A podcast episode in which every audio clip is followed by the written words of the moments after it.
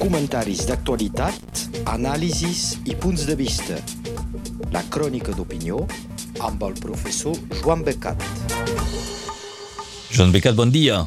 Bon dia. Et tenim aquí en línia per aquesta crònica que nos proposes cada setmana i avui ens vols parlar de la repressió financera de l'independentisme. Sí, perquè la repressió passa ara pel Tribunal de Comptes, després de passar pel Tribunal Suprem. A veure, amb l'indult als presos polítics, que van venir fa dues setmanes a Elna per l'aniversari d'Òmnium Cultural i que hem vist, molta gent pot pensar que la repressió a Espanya se feia més fluixa, que disminuïa. Doncs no és el cas, perquè s'intensifica i pren altres formes, no tan visibles des dels altres estats europeus. L'indult, la gràcia, era només de circumstància. Pedro Sánchez, amb aquest gest, volia s'atreure la pressió dels altres estats europeus i contrarrestar els efectes de la condemna de la justícia espanyola pel Consell de l'Europa, que ja n'hem parlat. Hi ha sempre la macrocausa la gran causa del jutjat número 13 de Barcelona contra els polítics i funcionaris que, segons el jutge pròxim del Partit Popular, han organitzat el referèndum de l'1 d'octubre. Hi ha 30 processats que fa dos anys que esperen el judici. Se'ls acusa de desobediència i de prevaricació i se'ls ha imposat una fiança de més de 5 milions d'euros. La va pagar al Fons de Solidaritat. I després, el Tribunal de Comptes va reclamar la mateixa suma, pel mateix motiu. Se va tornar a pagar.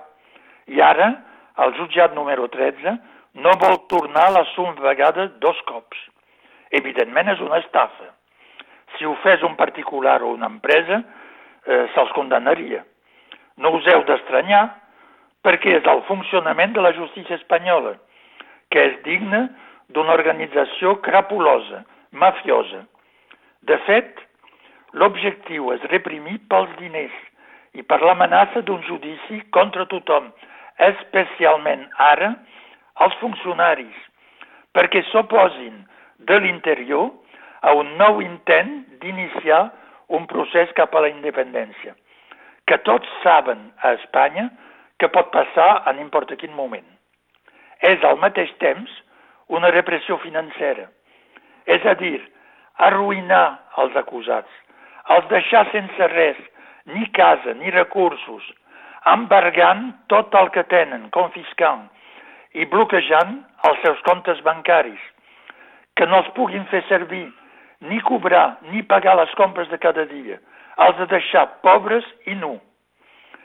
La més bona il·lustració és la causa, el judici, a 34 alts càrrecs de la Generalitat pel Tribunal de Comptes de l'Estat espanyol per l'acció exterior del Diplocat de la Generalitat al Consell de Diplomàcia Pública de Catalunya, que té oficines a diferents països del món i que va ser tancat quan Mariano Rajoy va aplicar l'article 155 contra Catalunya.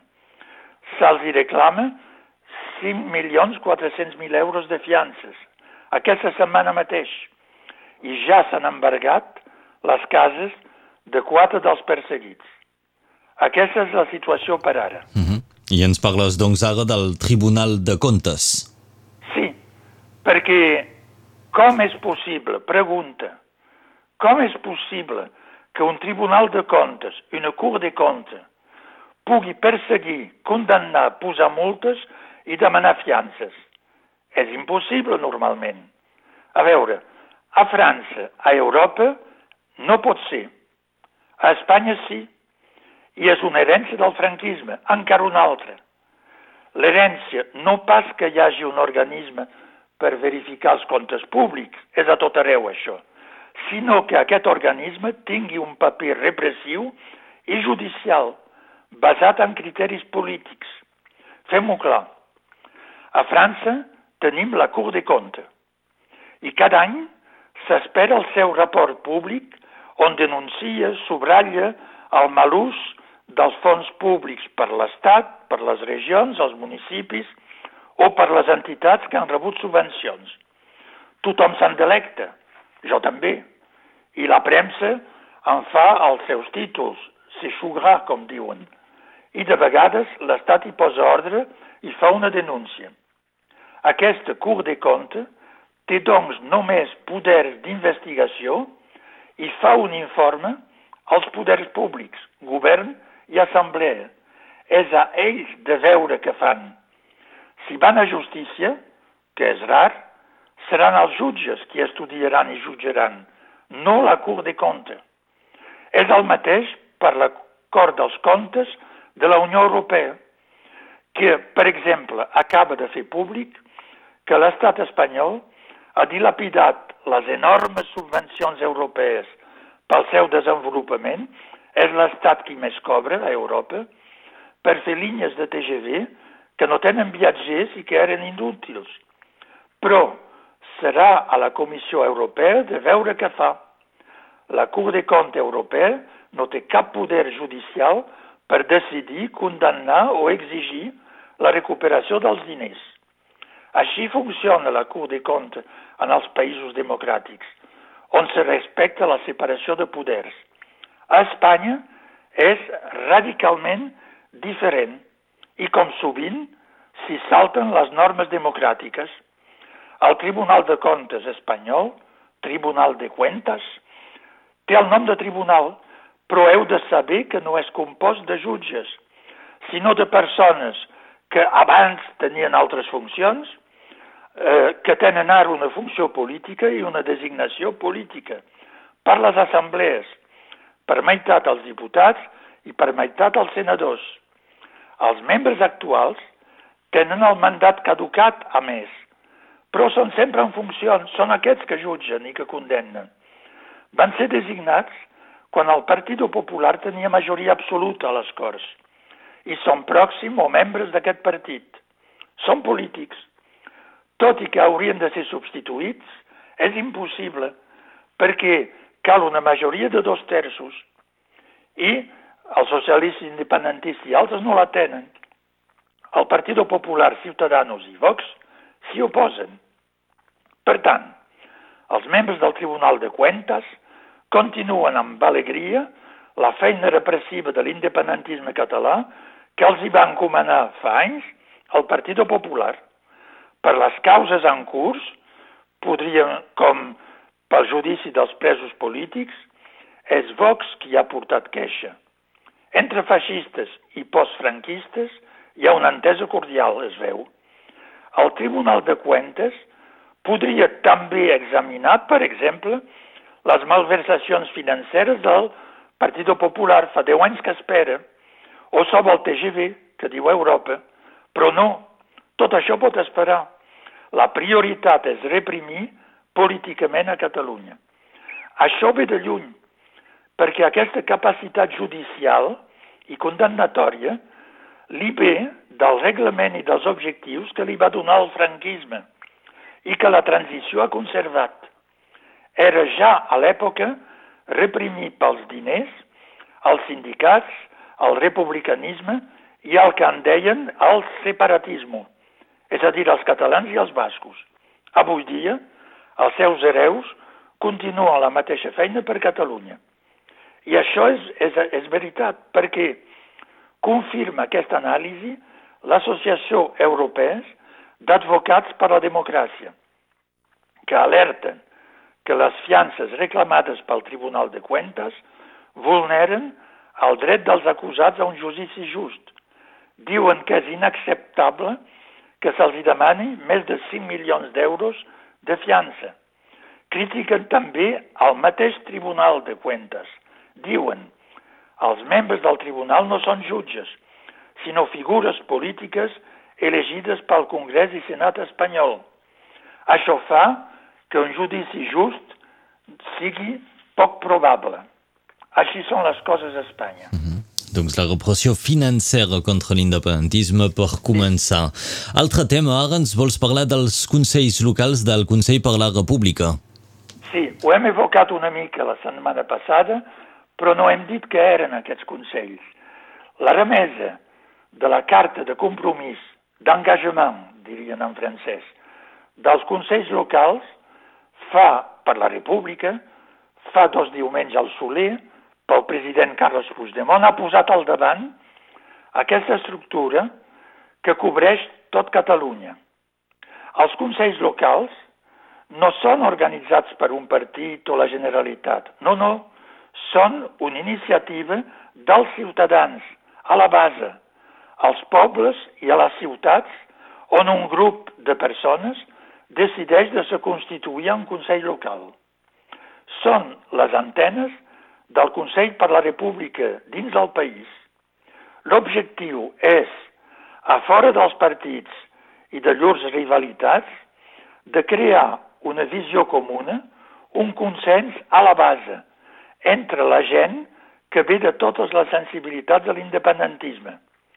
Això per reflexionar, per debatre, per fer propostes, per utilitzar les xarxes socials, per preparar-se, per organitzar-se per la confrontació que vindrà, creuen i serà amb l'estat espanyol. També és per preparar un projecte de Constitució de la República amb aportació dels ciutadans i debat. Això ho porta Lluís Llach. L'orientació és el programa Preparem-nos, presentat a l'agost passat pel president Carles Puigdemont justament a la Universitat Catalana d'Estiu. Per exemple, he vist a la festa major d'un poble de 900 habitants del centre de Catalunya. Doncs, he vist a les balconades de la plaça Major una gran banderola amb construir un futur, ser independents. I una altra banderola amb la nostra sentència, independència. A més, rima. Posades pel Consell local, dos dels membres dels quals eren el Soler, i també per l'Ajuntament, que tots sovint són independentistes. Doncs la feina se fa a la base i les mobilitzacions també. I això continuarà. Seguim amb un altre tema, és uh, un anunci que hem fet a Radio Arrels uh, aquí. Hi haurà una cita a l'Universitat Catalana d'Estiu amb la visita de Paul Molac. Sí, sí, sí. Tothom n'ha de parlar. El diputat bretó Paul Molac és anunciat per una taula rodona a la Universitat Catalana d'Estiu a Prada el dimarts 17 d'aquest mes d'agost, al migdia, al cinema Le Lido. Evidentment, se parlarà de les llengües regionals, del seu ensenyament immersiu o bilingüe, dels accents diacrítics i de la denúncia al Consell Constitucional que va anul·lar articles essencials de la llei. Doncs, l'emoció va ser tal que el primer ministre, que es diu Joan Castex, us recordi, i que va ser batlle de Prada, precisament, se clava a Prada el debat, va demanar un report a dos diputats, un bretó, Yannick Kergoló, Kerlogó, i un català diputat de Montpellier, Christophe Eusé. S'ha lliurat a Jean Castex l'informe fa uns 15 dies. Doncs, els dos diputats, Kerlogó i Eusé, seran també presents a la taula rodona, rodona de l'UCE amb Paul Molac, i seran tot tres. Per tant, informacions i posicions de primera mà. Aquest encontre excepcional ha estat possible gràcies a la Lavailac, al nostre Lavailac, que els coneixem tots i que ell coneix els tres diputats i que serà present també a la taula rodona, que serà tramesa per internet en streaming. A més, podeu ser presents. Per tant, tots a Prada, o bé us inscriviu al campus virtual de l'UCE per seguir els cursos, debats i activitats i aquest debat. Per anar-hi feu uce.cat. Més simple és impossible. Ja estem. Doncs aquesta és l'adreça. Moltes gràcies, Joan Becat, per haver estat amb nosaltres un matí més. Gràcies. Bon dia. Atiu. A totes i a tots. Comentaris d'actualitat, anàlisis i punts de vista. La crònica d'opinió amb el professor Joan Becat.